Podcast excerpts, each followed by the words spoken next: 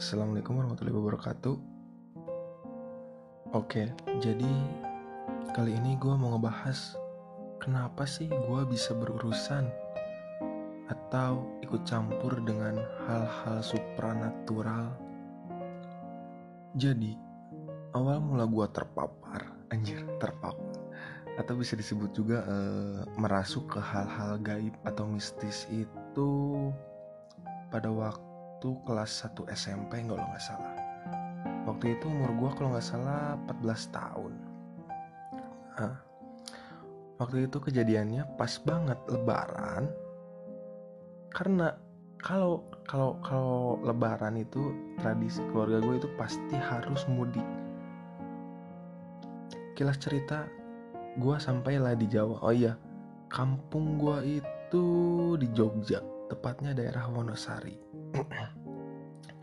Nah, setelah beberapa hari di rumah nenek, keluarga gue e, ngerancanain untuk liburan ke pantai.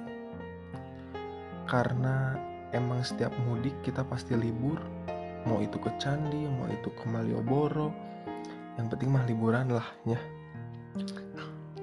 Nah, pas saat itu kebetulan kita memutuskan untuk uh, ke pantai, ke pantai Krakal yang tepatnya di daerah selatan Wonosari. Berangkatlah kita, sesampainya di sana gua gua main cuma di pinggiran pantai doang. Oh iya, uh, pada waktu itu gua kalau setiap ke pantai nggak pernah yang namanya berani berenang gitu di pantai beda-beda beda banget kayak saudara-saudara gue gitu yang lain yang pada ikut. Waktu itu juga ikut ke pantai. Lanjut cerita gak tahu kenapa pikiran dan hati gue itu tiba-tiba pengen menuju ke salah satu terumbu karang yang ada di jauh di depan gue jadi karena struktur dari pantai itu kalau siang airnya surut dan kelihatan tuh terumbu karang terumbu karangnya itu Berjalanlah gua dengan kepala tertunduk, posisi mata e, melihat langkah kaki. Sampailah gua di salah satu terumbu karang, ada terumbu karang, dan langsung duduk posisi jongkok, kalau nggak salah jongkok deh. Di situ gua terdiam sejenak dan melihat demburan ombak yang berjarak sekitar 10-15 meter di depan gua. Setelah beberapa menit, pandangan gua teralihkan dengan genangan air yang ada di terumbu karang. Gua pikir dalam hati, loh kok airnya bisa muter-muter sendiri gitu kan? Mungkin dalam pikiran gua, oh itu mau meresap atau gimana kan? Ya udah gua tungguin aja tuh tapi kok nggak habis-habis gitu dan terus muter. Air itu terus muter gue pikir nggak masuk akal gini.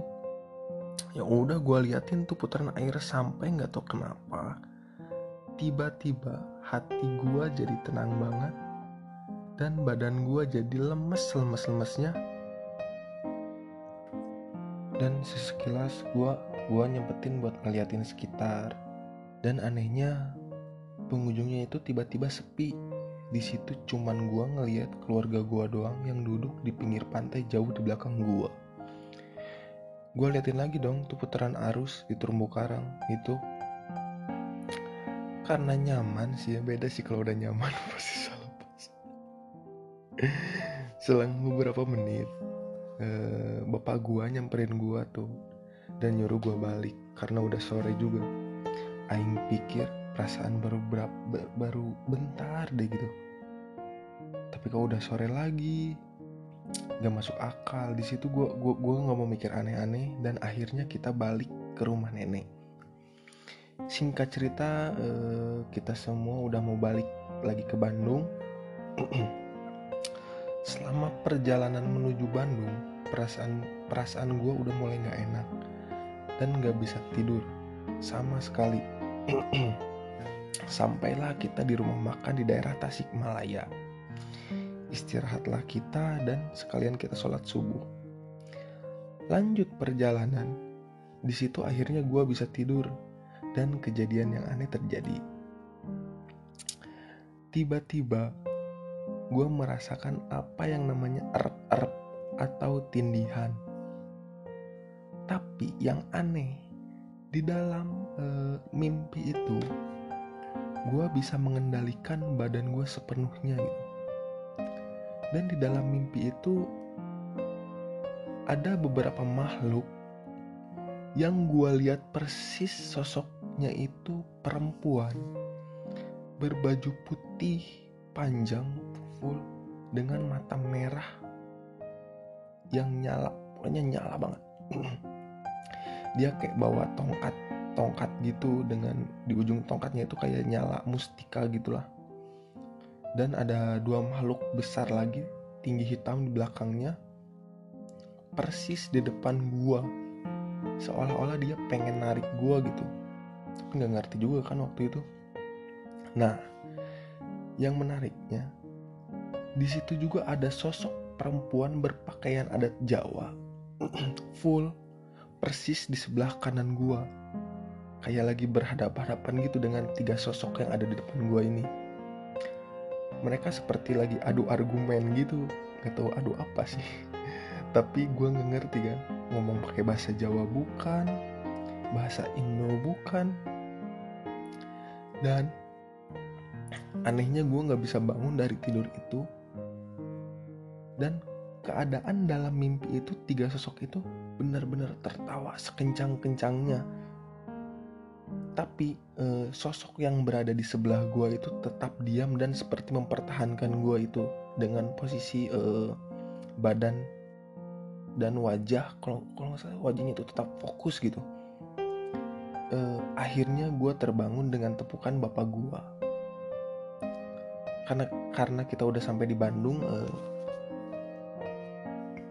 gue pikir udah sampai lagi gitu kan. Perasaan baru baru berapa menit di dalam mimpi itu gue ngerasanya bentar banget uh, di situ gue bangun dengan posisi keringat dingin dan takut yang luar biasa Singkat cerita, uh, perubahan drastis terjadi dalam diri gue, di mana yang asalnya gue berani tidur sendiri di kamar, berubah jadi penakut setakut-takutnya.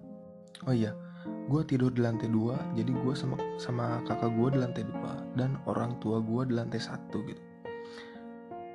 Dan setelah kejadian itu, selalu dan hampir setiap hari, gue kebangun jam 2 malam. Dan saking takutnya eh, gue memutuskan untuk tidur bareng uh, orang tua gue gitu ke bawah. Nyusul gue nyusul kamar uh, orang tua gue setelah beberapa hari gue nyusul nyusul terus ke kamar orang tua gue kan. Dan pada suatu malam uh, gue kebangun lagi dan gue putusin lagi nyusul bareng orang tua lagi dong. Nah pas gue ke bawah dan gue ketok pintu kamar orang tua gue nggak ada jawaban sama sekali dari orang tua gue gue udah coba buka dan dikunci. Di situ di situ posisi lampu eh, ruang tamu mati total. Dan ditambah perasaan gak enak juga gue putusin balik lagi untuk ke kamar. Di situ posisi kamar gue belum pakai pintu masih pakai korden kayak gitu. Jadi gue ngebayangin gimana kalau tiba-tiba tuh korden ngebuka sendiri kan? Bangsat banget. Gue putusin lah untuk begadang. Dan setelah subuh baru bisa tidur walaupun cuma 1 sampai 2 jam karena di situ gue harus bangun jam 6 buat sekolah. Sampai di sekolah pasti gue gue pasti tidur di kelas. Saking gak kuat nahan kantuk. Dipikir-pikir uh, gue gue dulu menyedihkan banget anjing. Segitunya. Singkat cerita, eh, kejadian itu berlangsung sampai gua kelas 3 SMA. Banyak kejadian-kejadian di luar logika yang gua lalui selama 4 tahun itu. Dan kepekaan dan penglihatan gua mulai terasa di mana bermunculan tuh mis miska lah, miska, kuntilanak, mau itu pocong, siluman-siluman dan berbagai jenis bentuk jin yang aneh yang gak bisa gue jelasin satu persatu saking banyaknya juga dan selama hal mistis itu terjadi gue nggak pernah cerita sama sekali sama siapa pun. Gue pikir lah nggak apa-apa biar gue rasain sendiri lah mati hidup sudah ada yang ngatur gitu kan. Nah kejadian-kejadian itu berhenti sampai kelas kelas 3 SMA kelas 3 SMA kenapa bisa kelas 3 SMA nah di sini menarik. Karena pergaulan dan tertekan dengan hal-hal di luar logika. Gue lampiaskanlah ke hal negatif. Ya contohnya mabok kayak gitulah pokoknya. Hal negatif banyak aneh tapi nyata nih aneh tapi nyata. Benar-benar seketika hal-hal mistis itu nggak lagi gue lihat. Perasaan gue pun jadi benar-benar tenang. Di sini menarik nih. Gue harus melakukan hal negatif dahulu supaya gue nggak melihat sosok-sosok atau penampakan itu kembali. Uh, uh, menurut gue itu udah salah banget sih, udah nggak sehat. Yang di mana seharusnya kita berbu berbuat hal positif agar dijauhkan dari hal negatif. Malah ini sebaliknya. Nah, di episode selanjutnya gue bakal ceritain uh, berapa lama hal negatif itu gue jalani dan sampai kapan itu berakhir? Dan di mana gue bertemu uh, uh, sosok Kiai Romo gue atau bisa disebut guru gue yang membimbing gue untuk melatih dan mengontrol hal-hal gaib. Dan uh, hubungannya dengan pantai selatan dan sosok uh, perempuan berpakaian adat Jawa yang barusan gue ceritain gitu ya udah uh, sekilas dari gua. Sekilas sekian dari gua. Mohon maaf uh, bila ada salah-salah kata. Uh, wassalamualaikum warahmatullahi wabarakatuh